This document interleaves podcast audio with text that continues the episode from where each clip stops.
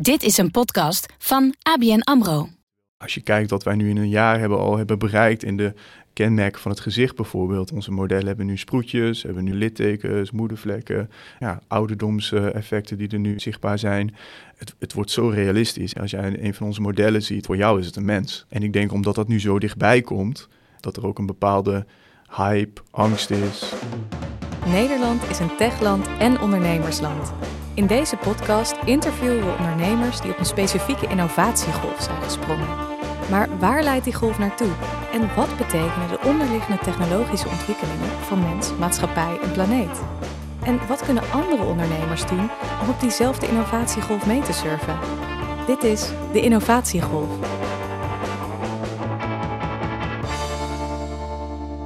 Leuk dat je luistert naar de Innovatiegolf. Mijn naam is Harry Dijkema, host van deze podcast. En naast mij zit tech-expert Julia Krauwer. Hey, hallo. Van harte welkom eh, weer, Julia. De innovatiegolf die we in deze aflevering bespreken is de virtuele mens. En ik ben trots dat we vandaag een ondernemer te gast hebben die vol surft op deze innovatiegolf. Zijn bedrijf LaLaLand creëert generatieve AI-modellen voor de fashion-industrie. Modellen die zo echt lijken dat je amper een verschil ziet met een menselijk model. We bespreken hoe de wereld reageert op deze ontwikkeling en voor welke uitdaging je komt te staan als je de fashionwereld zo op zijn kop wil zetten. En ik kan je vertellen dat blijkt af en toe een bumpy road te zijn. Waar we vandaag verder over praten met Sharif Mohammed. Van harte welkom, Sharif. Dankjewel. Dankjewel. Leuk dat je er bent. Je bent de CFO bij LaLaLand en je typeert jezelf als een ondernemende CFO.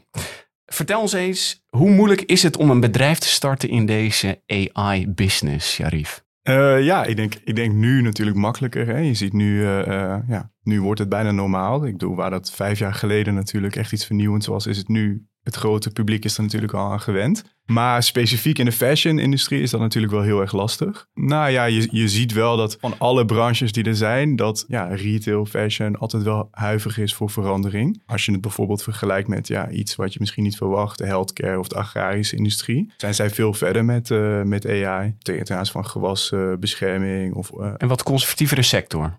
De ja, retail fashion ja, sector. die staan ja, con ja, conservatief. Ik denk ook legacy. Als je kijkt naar uh, grote modehuizen, hoe die zijn opgebouwd. En bijvoorbeeld als je een innovatieafdeling is vaak ergens uh, uh, ja, diep onderweg gestopt, zeg maar. Dus vier, vijf lagen onder de business. En als tijden tegenzitten, zoals nu natuurlijk met, ja, zijn een aantal bekende faillissementen natuurlijk ook van retailers.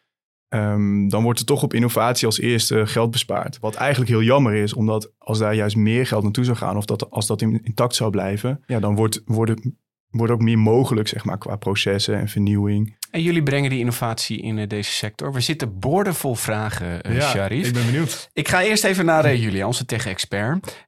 Kan je nog wat extra duiding geven bij um, generatieve AI, wat onder andere wordt gebruikt door LaLand? Wat is dat precies? Waar hebben we het over? Ja, we hebben het natuurlijk eerder gehad over generatieve AI in onze aflevering over deepfakes. Uh, en generatieve AI is AI die content kan creëren.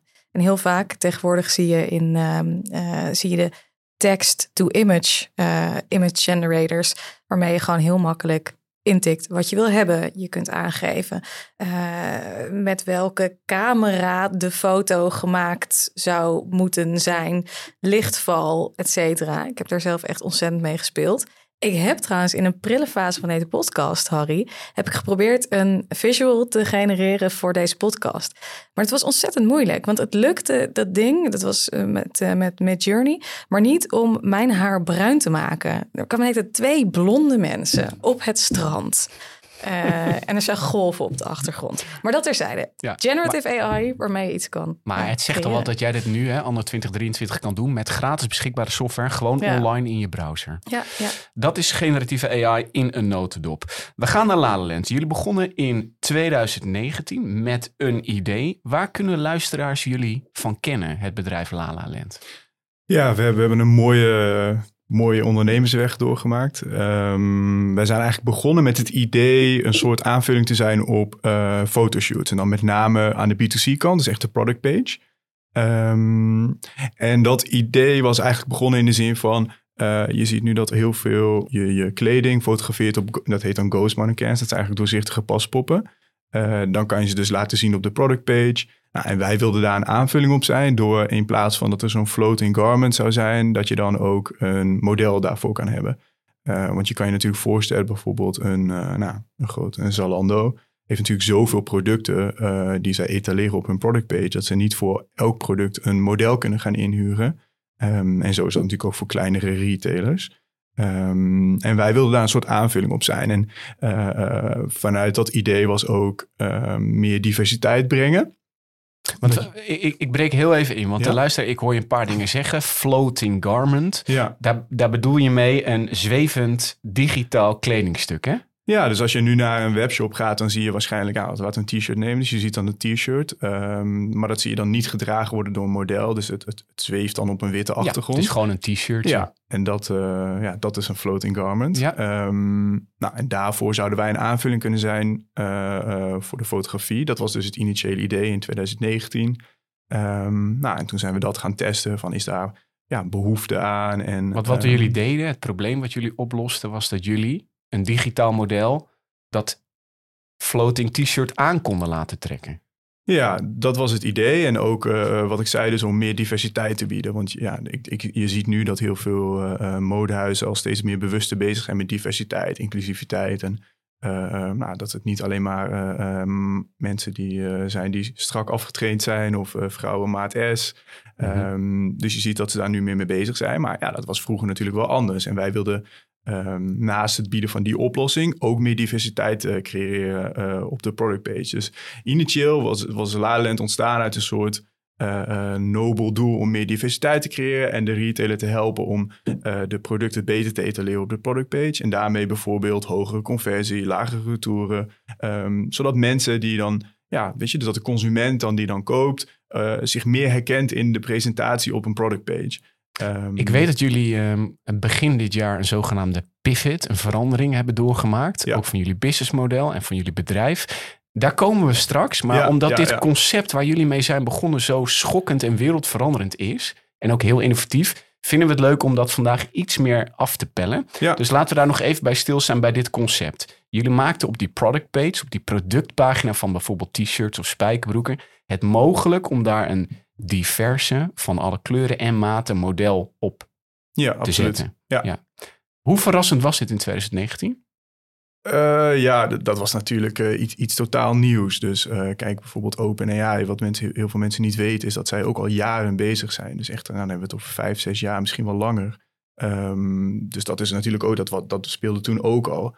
Um, alleen, ja, het was toen niet zo op de voorgrond, zeg maar. Dus Hmm. um, kijk, en ik denk dat alle uh, grote retailhuizen wel, uh, alle grote modemerken wel bezig zijn met innovatie. En die willen natuurlijk ook gewoon de golf voor zijn voordat de golf uh, daadwerkelijk komt. Dus um, ja, er was natuurlijk wel uh, interesse in een dergelijke oplossing. Ja. Was, was, was trouwens de bedoeling initieel dat ik bijvoorbeeld, ik ga ergens naar een, uh, een website van een retailer en ik, uh, ik wil iets kopen, dat ik ook ad hoc het model kan vormgeven, als in dit zijn mijn maten, zo zie ik er ongeveer uit. Was het ook bedoeld om voor ja, de consument direct dynamisch toepasbaar te zijn? Uh, nou, dat is wel de toekomst. Ik denk dat we daar ja. natuurlijk later nog over gaan spreken. Maar dat is, uh, dat is de toekomst. Dat is natuurlijk uiteindelijk, denk ik, over vijf jaar weten we niet beter als consument. Dan uh, ja, open je een, een, app en je voert je maten in, je, ja, je lichaamscomplexiteit, je, misschien zelfs je haar, je kleur ogen. Um, en je, de hele winkel zal dan vormen naar um, ja, iemand die op jou lijkt. Uh, zodat je ook direct kan zien, hey, staat het me, nou, vind ik het leuk genoeg? Of um, dat je gewoon een beter idee, idee krijgt van hoe, hoe zou het bij jou resoneren, zeg maar. Want zo'n t-shirtje in een gespierde vent in mijn geval, hè, dat ziet er altijd goed uit op het beeld. En dan heb ik hem thuis, ben ik toch iets minder gespierd dan uh, dat model op die productpagina. Ja, precies ja. dat. Ja, nou, ik, ik, ik uh, uh, ja, bijvoorbeeld, je kan denken van hoe een t-shirt valt. Hè. Dat is natuurlijk wel altijd van als jij bijvoorbeeld, nou, we hadden het net over die floating garments, dus dat je gewoon een, een, een wit t-shirt ziet tegen een achtergrond. Uh, kijk, je hebt geen idee van hoe, hoe dat dan op een lichaam valt. En Um, nou, als je van oversized houdt en uh, uh, je kan niet goed inschatten of het oversized is, ja, dan waarschijnlijk koop je het dan als je het, als je het product leuk vindt en dan pas je het thuis en dan ben je teleurgesteld mm. en dan stuur je het terug. Dus dat is natuurlijk wel een probleem wat in de toekomst opgelost kan worden met dit soort toepassingen. Ja, en dit was eigenlijk ook al jullie basisidee in 2019. Ja. De BBC was uh, eind vorig jaar bij jullie op kantoor in het Fashion District van Amsterdam. We gaan even luisteren um, naar de journalisten die jullie technologie toen gebruikten. But now, one startup here in the heart of Amsterdam's fashion district is hoping to change that by using digital models to help online retailers clean up their act. This is probably quite accurate, although I've never actually thought about it before. I think she should have a should have a bit more on her hips. I'm not sure if that actually makes me want to buy the clothes more or less, but you do undoubtedly get a better understanding of what the clothes might really look like on you. Exact measurements aside, this could have transformative potential, not just on fashion, but beyond. Transformative potential. Ja, klinkt wel heel cool zo. For hè? fashion Ja. and beyond. Ehm, ja, waren jullie blij dat de BBC er was, überhaupt? Internationale exposure? Ja, absoluut. Ja, het is echt. eh, soms eh, schrikken we er zelf ook wel eens van, van hoeveel eh, media-aandacht we krijgen. Ik bedoel, we waren, eh, nou, we zijn viral gegaan in de US, op Twitter, op Reddit. Eh, Fox News heeft eh, Michael Moussandu, onze eh, CEO, geïnterviewd. En wat Ehm. was het wat zo aanspreekt internationaal in de media? Waarom willen ze allemaal dit verhaal brengen?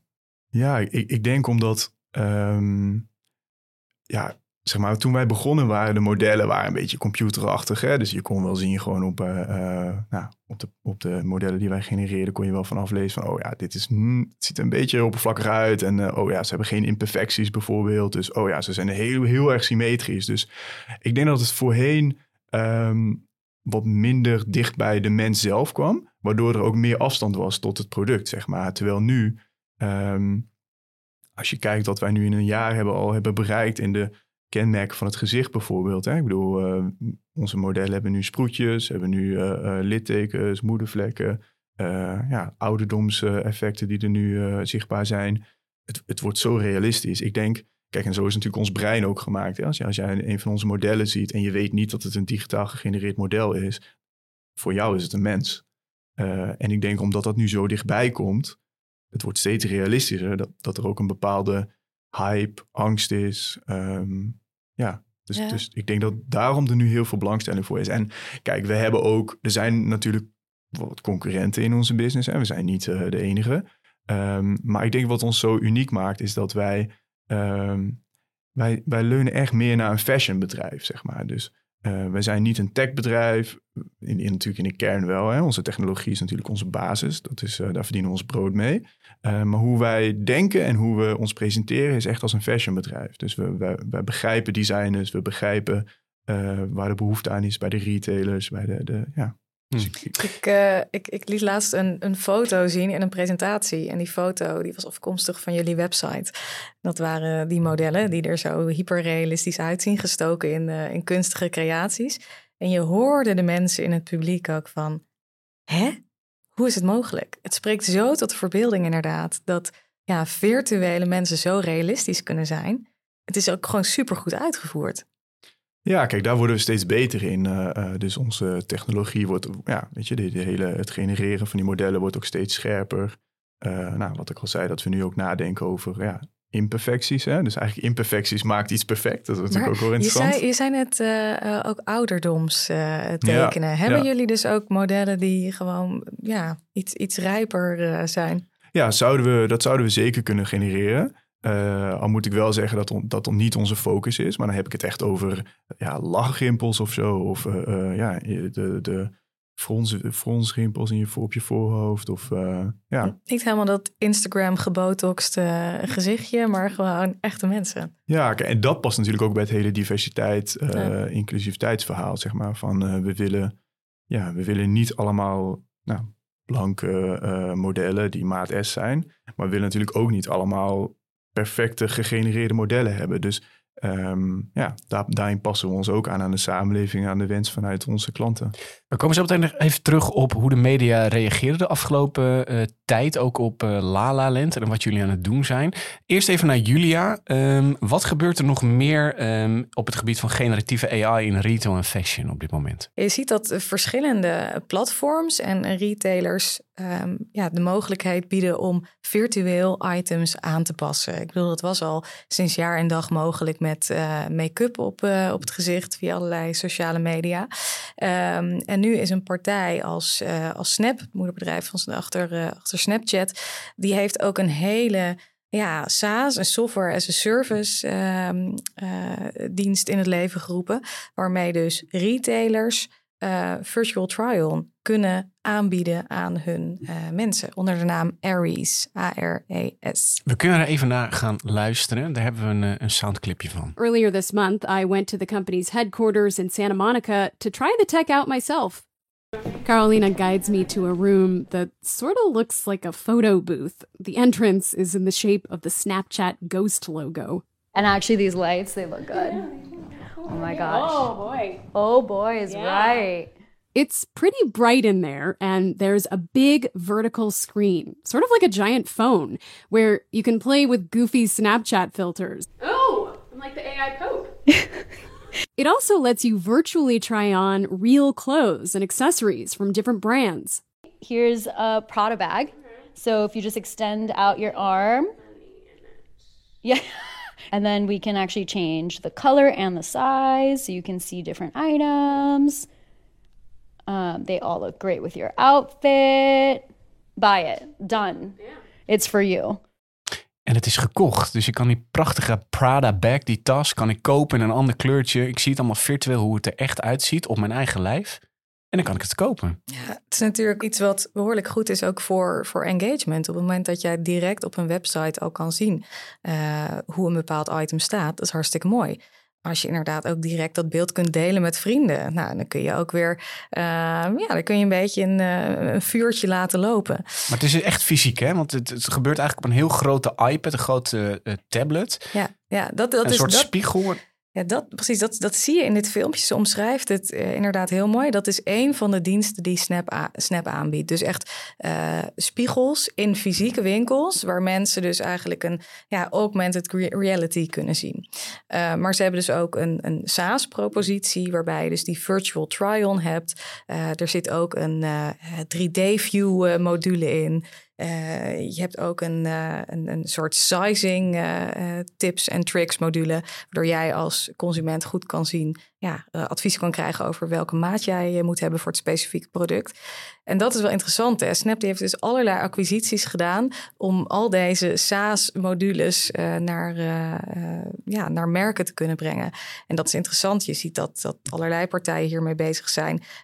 Walmart heeft ook een soort functionaliteit. Be Your Own Model heet het. Dan kun je een video van je, een foto van jezelf uploaden. En ja, eigenlijk de kledingstukken over jou heen laten draperen.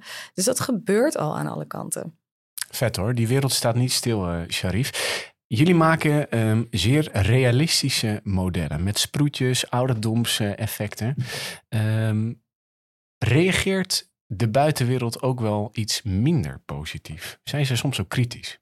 Ja, absoluut, absoluut. Ja, kijk, dat is natuurlijk met alle uh, nieuwe technologieën. Je ziet ook gewoon uh, bijvoorbeeld met OpenAI was het van ja, uh, alle contentmensen die waren natuurlijk op hun tenen getrapt. Raken hun baan kwijt. Ja, ja, ik denk dat dat ook een stukje um, ja, onwetendheid, uh, invulling, eigen invulling is, waardoor er een soort angst ontstaat. Maar kun je ons um, meenemen in de kritiek op bijvoorbeeld wat, wat La La Land aan het doen was? Ja, nou kijk, uh, wij, het, is, idee is om ook, ook een stukje diversiteit, dus het oude idee, we zijn gepivot, maar daar gaan we natuurlijk mm -hmm. daar zo meteen over praten. Uh, maar het oude idee is natuurlijk ook, en nog steeds natuurlijk om een soort diversiteit te creëren. En uh, uh, dat was dus als aanvulling op fotografie. Want kijk, je hebt natuurlijk altijd fotografie nodig, want echte mensen verkopen. en een, er moet natuurlijk bij zo'n merk moet ook een soort, soort brand culture worden gebouwd. En dat kan alleen met campagnebeelden, met echte mensen, want dat verkoopt. Weet je, ja, een digitaal poppetje verkoopt niet in die zin, zeg maar. Dus um, wij kregen in één keer heel erg kritiek uit, een, ja, uit meer de, de gekleurde hoek. Van ja, shit, uh, nu pikken jullie onze baan in. Want nu worden wij niet meer gevraagd voor mode, modellenklussen, zeg maar. Dus en niet het zijn niet witte modellen? Ja. Die, die um, zeiden, ik raak mijn baan kwijt als fotomodel. Want jullie maken digitale modellen van kleur. Ja, dus wat ik net zei in die trend van nou, de diversiteit wordt uh, belangrijker voor, uh, ja, voor binnen fashion.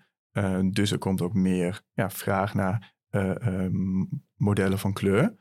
Um, waar wij ook een oplossing voor bieden natuurlijk. Mm. Maar wij zijn niet de vervanging van. Nee. Verre van, zeg maar. Dus Het is echt een aanvulling. Ehm, wat ik net zei, die floating garments. Ja, kijk, daar, daar is geen model mee geschaad. Als wij daar een, eh, een digitaal model voor zouden eh, leveren, zeg maar. Hmm. Want die worden nu ook niet gevraagd. Niet elk kledingsstuk kan gedragen worden door een model op een pagina, zeg maar. Dus Precies. Eh, nou, vanuit die hoek is er heel veel eh, ehm, ja, kritiek gekomen, angst. eh, Heeft dat jullie aan het denken gezet? ja, zeker. zeker. Dat, is, eh, ehm, dat heeft natuurlijk nog wel iets losgemaakt, zeg maar. Want je, je probeert als bedrijf iets, iets, iets goeds te doen. De samenleving een soort van, ja, iets nieuws te bieden. Hè? Dus ook, ook de, de, zodat de mensen van kleur zich ook meer gerepresenteerd voelen ehm, in, op de shoppingpagina. Ehm, ja, dat, dat, dat heeft ons wel aan het denken gezet van... ehm, hoe kunnen we dat narrative veranderen, zeg maar, naar meer van hoe we echt zijn en wat we willen. Ehm, maar ik denk dat dat meer, nou, dit soort dingetjes, weet je, dat we dus gewoon kunnen uitleggen wat ons echte verhaal is. Eh, want er wordt heel veel over La La Land geschreven en dat is, ja, soms schrikken we daar zelf van. ehm, Noem eens wat. wat, wat waar, waarvan dacht je, hè? Hoe komen ze erbij? dat je met een selfie, als je een selfie maakt, dat je dan je kleding kan projecteren op ons model. Ehm, wat meer een soort Snapchat toepassing is, wat je natuurlijk over vertelde. Dat is niet waar. De journalisten gaan ook aan de haal met jullie basisconcept. Ja, het is, het is echt, eh, er, worden- er komen zoveel indianenverhalen. Wat natuurlijk ook ergens wel heel gaaf is. Hè? Ik bedoel, als er niet over je wordt geschreven, is natuurlijk ook niet goed. Ja. Dus eh, eh, ehm, ja, we zijn, ik, ik denk dat het voelt voor ons ook echt dat we een industry disruptor zijn, zeg maar. Dus Hmm. we, we, ik denk dat het nu voor ons, eh, eh, ja, we zijn aan het pionieren, zeg maar, in de markt. Ik denk als we over vijf jaar of zo, dan eh, is het normaal. Ehm, maar ja, er wordt absoluut veel geschreven. Maar helaas is heel veel daarvan is niet, ehm, wordt vanuit een bepaald perspectief geschreven, wat, ja, waardoor het een hele andere lading krijgt dan waar wij voor staan. Hmm. Er werd bijvoorbeeld ook geschreven, dat, was ook, dan wel, daar moest ik dan wel weer heel erg om lachen, dat ons bedrijf werd gerund door Arabieren en dat er niemand bij ons van kleur werkt. Nou, als je één keer googelt, dan eh, denk ik dat die eh Dit is heel gek. ontkracht is. Er werken 15 eh, personen bij La La Land. Ja. Jullie zijn een heel divers bedrijf. Ja, en niemand heeft één nationaliteit. Dat is heel bijzonder. Dus ik heb dat zelf nog nooit meegemaakt bij een van de werkgevers waar ik heb gewerkt. Ehm, onze founders zijn nou, Michael Musandu. Hij komt uit Zimbabwe. Hij is opgegroeid in Zuid-Afrika. Oegnes Rimsa, die is onze andere co-founder, onze CTO. Eh, die komt uit Litouwen, is opgegroeid in de US. Dus, eh, we zijn een mengelmoes van culturen bij elkaar. De intentie om die industrie, die fashionmarkt, inclusiever en diverser te maken, die, die is er echt. En daar werd Ja. in de media getwijfeld. Je bent dan een start-up in 2019. Je, je volgt die hele lijn van het groeien van een bedrijf. Ja. Maar je bent ook een soort speelbal in de media. En iedereen denkt er maar iets over. Ze gaan met jullie Ja. aan de haal.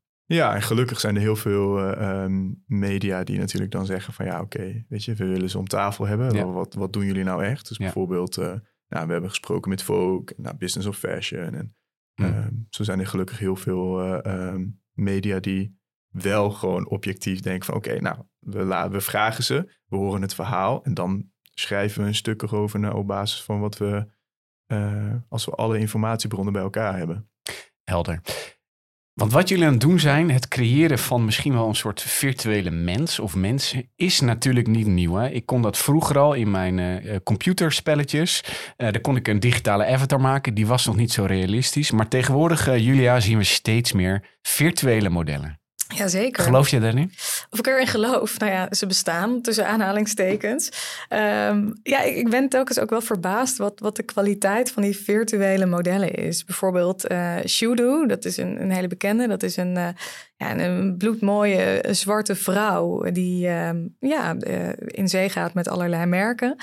En het is nee, geen AI-gegenereerd model. Die is gewoon helemaal met de computer eh, ja, gevormd. En ook elke keer als je haar in een bepaalde pose ziet, dan is dat ook ja, ja, praktisch handmatig gedaan via de computer.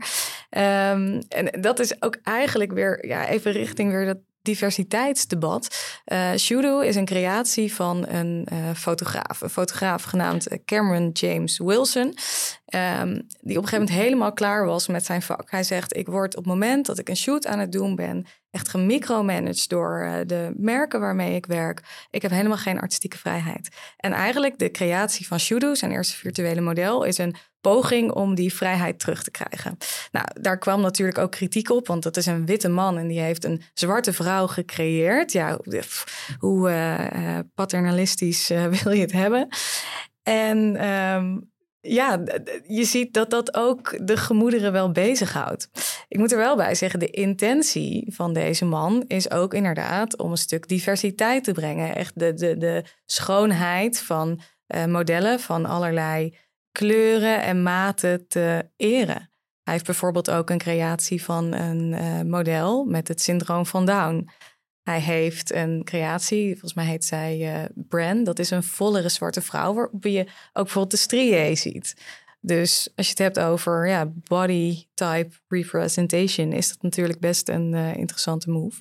Um, nee, dus dat soort, dat soort modellen zie je al. Laatst ook, ik weet niet of jullie dat hebben meegekregen, een, Nederlandse developer kwam daarmee. Uh, die hadden, hadden allerlei uh, online media. Die heeft namelijk het eerste uh, digitale modellenbureau gelanceerd, volgens wow. hem. Want wat jullie doen is eigenlijk ook een soort digitaal modellenbureau. Maar die van hem zijn helemaal AI-generated. En je hoort dus ook uh, geluiden uit, uh, vanuit het internet. Mensen zeggen ja, heel toevallig dat de handen de hele tijd niet op, uh, op, de op die foto staan. Want dat is nog moeilijk, hè? Ja, dat is, dat is moeilijk. Dus als je het from scratch via AI genereert, dan kan het maar zo zijn dat je zeven vingers hebt die in hele onnatuurlijke poses liggen. Hmm. Dat is deep agency. En ook dat inderdaad kreeg soortgelijke reacties van ja, wat maak je me nou?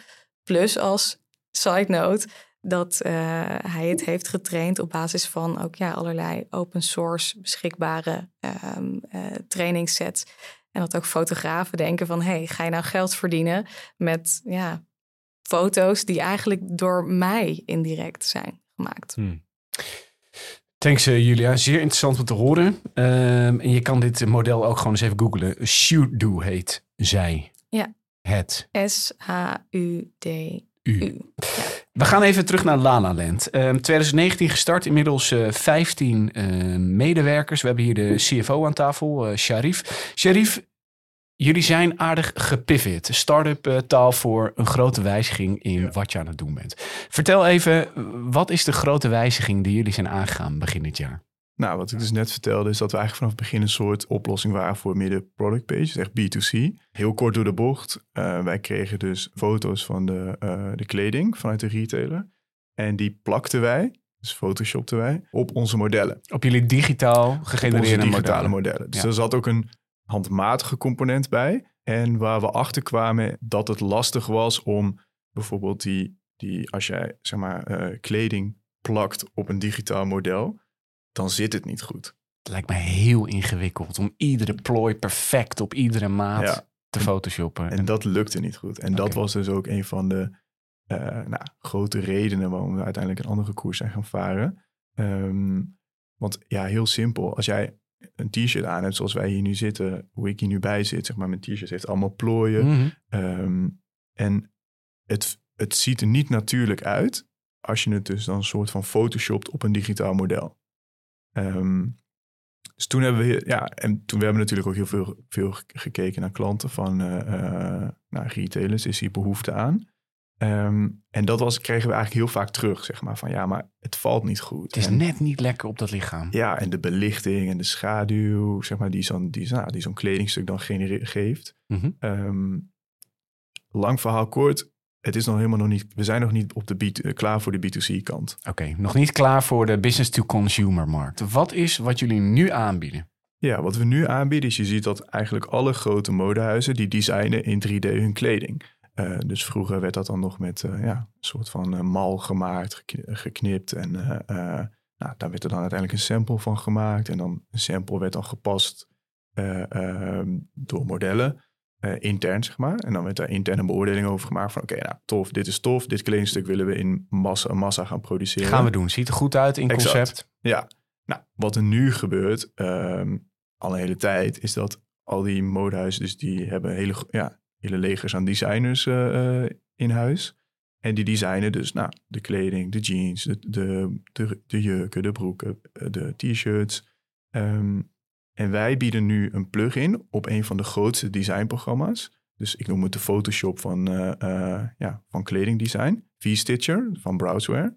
Ehm, en wij hebben een plugin gemaakt. Dus wat gebeurt er nu? Dus als jij nu als een designer nu kleding designt, ehm, digitaal 3D, kan hij dat met één druk op de knop projecteren op een van onze modellen.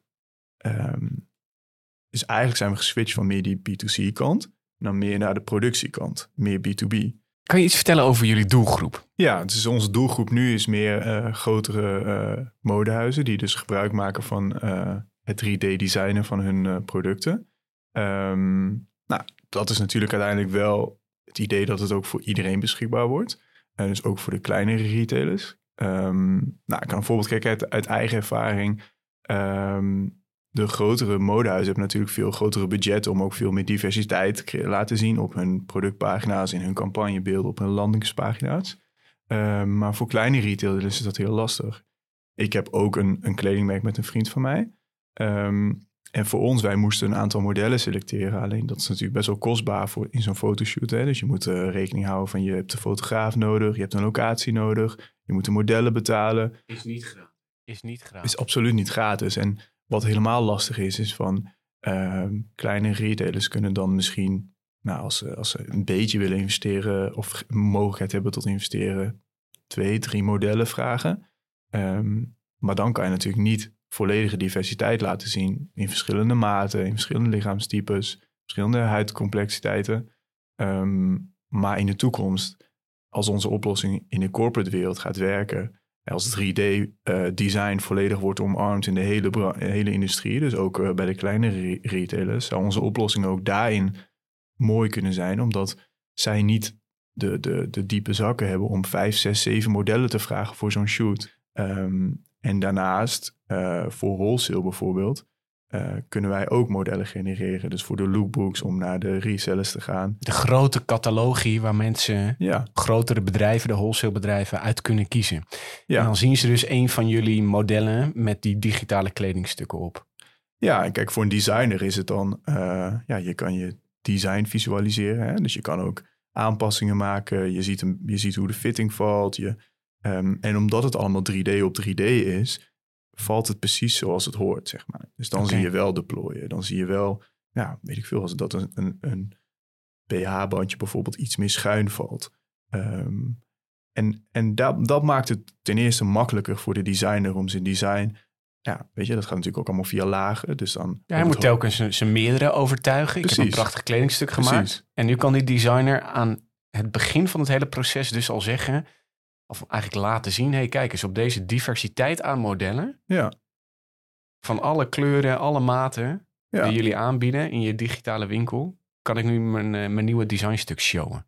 Ja, en ik denk ook dat voor merken dat belangrijk is, omdat ehm, zeg maar, normaal wordt er één maand ge- eh, geproduceerd zeg maar, voor de sample. Maar je weet dan niet hoe het valt op iemand met een andere maat of iemand met een andere huidskleur. Dus ik denk dat ehm, dat hele diversiteit, inclusiviteitsstuk daarmee ook iets meer naar de voorgrond komt, eh, al bij het designproces. Dus in plaats van dat het wordt gesampled en dan wordt beoordeeld van ja, maar dit past eigenlijk helemaal niet bij deze maat. Of dit, ja, dit valt eigenlijk helemaal niet lekker op deze huidskleur. Of, ehm, dus dat daar die keuze al eerder kan worden gemaakt. En voor de designer maakt het ook interne discussies makkelijker. Hè? Van ja, ehm, in plaats van een, een plat design wordt het nu echt ja, alsof het al geproduceerd is. Kijk, en, en zeg maar, dat is voor de designer natuurlijk het belang. Uh, maar verder in de keten is natuurlijk de go-to-market tijd natuurlijk kan hiermee ook worden versneld. Dus in theorie zou je dan ook misschien ook, ja, je zou minder samplen.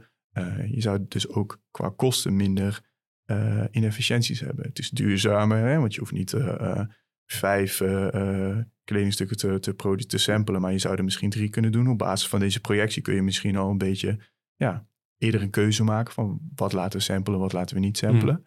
Hmm. Um, nou, lang verhaal, maar we zijn dus meer naar de productiekant gegaan. Ja, meer naar ook het interne proces bij designers. Ja, kijk, en, en, en we, hebben, we hebben natuurlijk ook uh, klanten die zeggen van... hé, hey, dit ziet er zo realistisch uit. Ik ga het ook testen op mijn product page. Dat ik zet dan, het ook gewoon op mijn website. Ja, dat, maar dat is dan meer de B2C-kant. Hmm. Maar dat is natuurlijk vrij, daar staat een, een klant vrij in om, om te, ja, het product te gebruiken zoals hij zij dat wil. Die B2B-move vind ik interessant, want heel recent uh, is Google naar buiten gekomen met een nieuwe functionaliteit in de US, waarmee uh, jij vrouwen uh, op Google Shopping kunnen zien hoe verschillende tops op verschillende lichaamstypes vallen. Nou, en die lichaamstypes, de modellen op wie die kleding wordt geshowd, die zijn helemaal niet AI-generated. Dat zijn gewoon bestaande modellen. Maar ze hebben dus een uh, ja, machine learning model ontwikkeld getraind op basis van een heleboel ja, sets aan kledingstukken. En ja, die kleding die vervolgens wordt gedragen uh, door een model. Ja, dat model weet nu hoe inderdaad kledingstukken ja, waarschijnlijk vallen op verschillende lichaamstypes.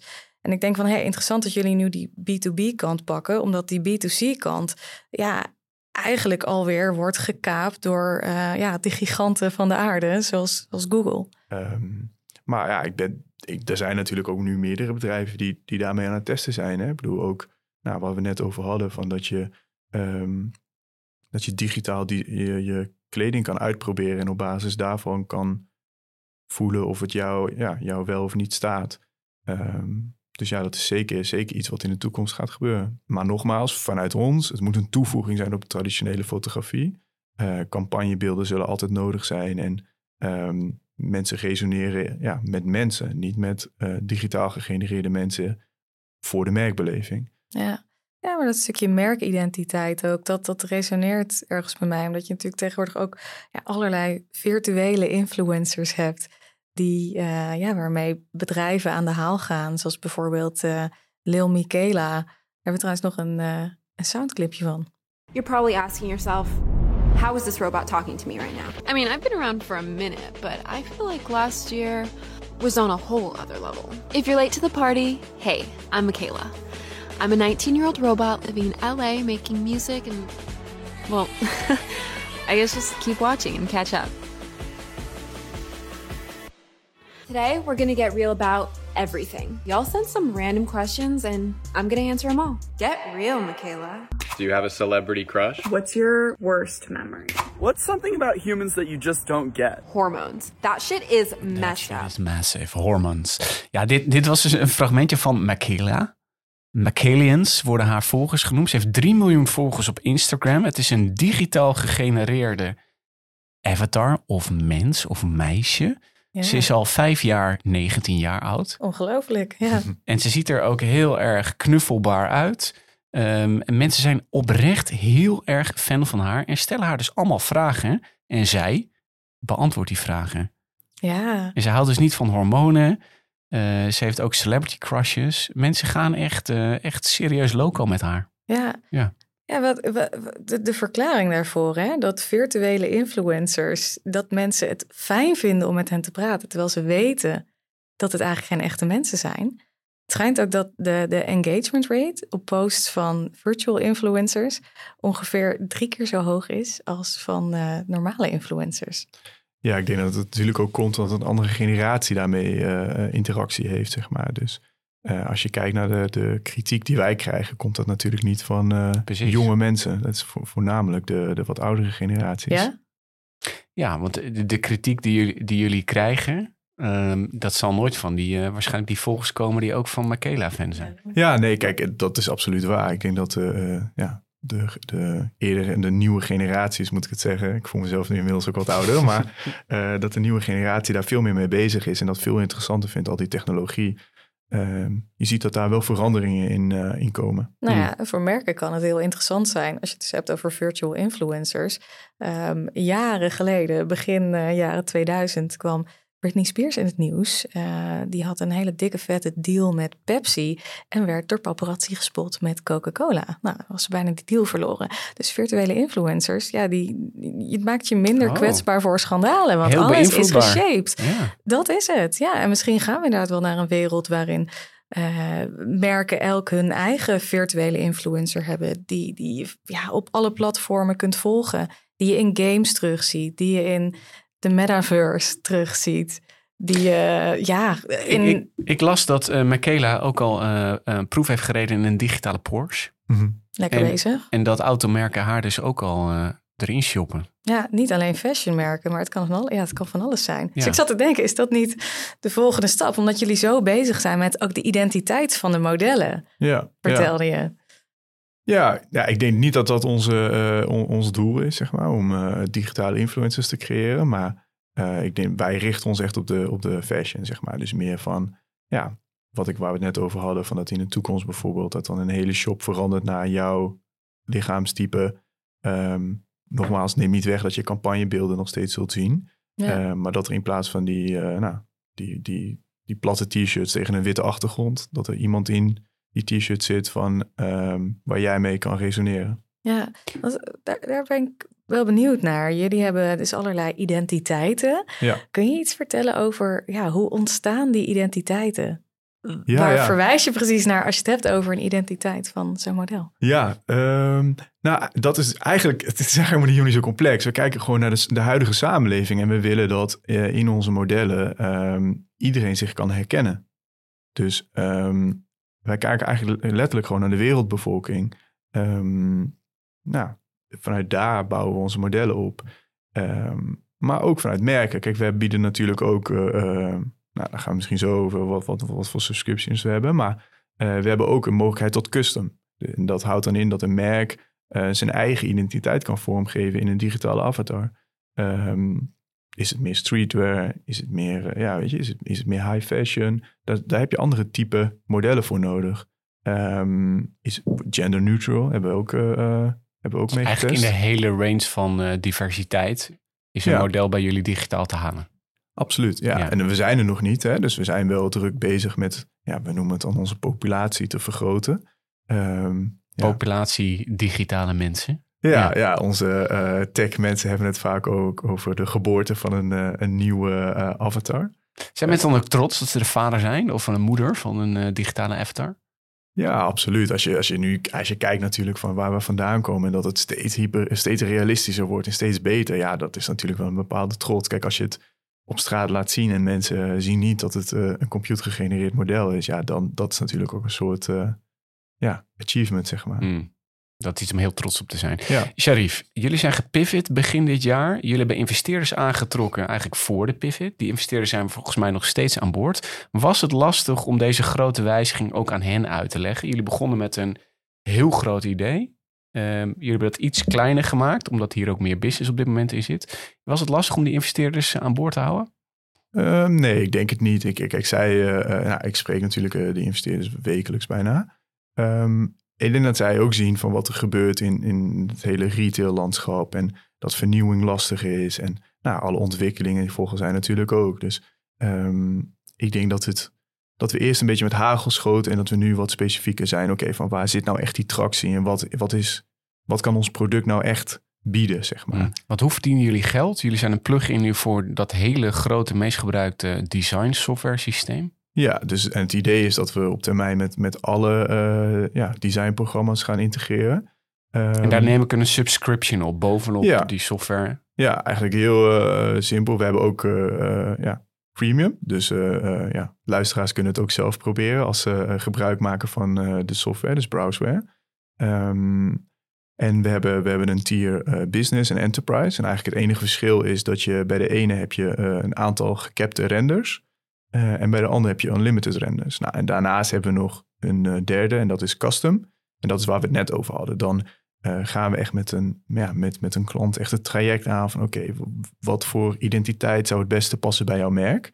Ehm, en hoe kunnen, we, ja, hoe kunnen we die het beste vormgeven? Dus we hadden het net over nou, gender neutral identiteiten. Nou, dan gaan we daarmee aan de slag. En dan eh, presenteren we een aantal digitale modellen waar we verder iteraties op doen. eh, zodat het merk zich 100% kan vinden eh, in de uitstraling van, het, van de avatar. Ja. Is het een goede keuze geweest om te pivoten?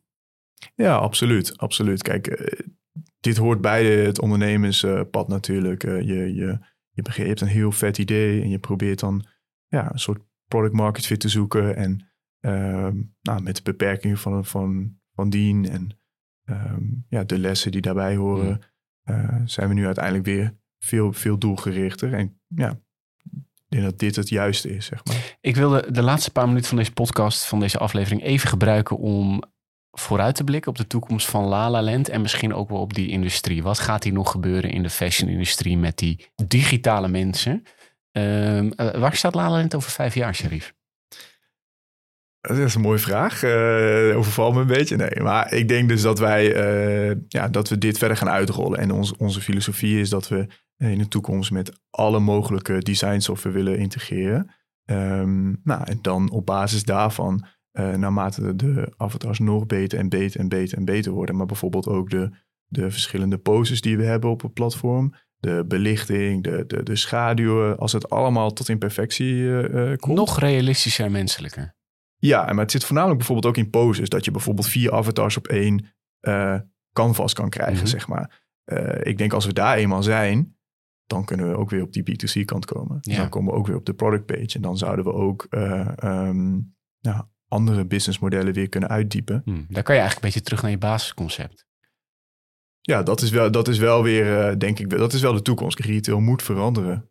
Er moeten, er moeten slimmere oplossingen komen. En dat is niet alleen op, nou, waar we het net over hadden, een stukje retouren, een stukje design, maar ook bijvoorbeeld op transport of, of, of ware, op warehousing. En ja, bijvoorbeeld het uh, production on demand. Dus uh, er staat heel veel te gebeuren in de, de branche.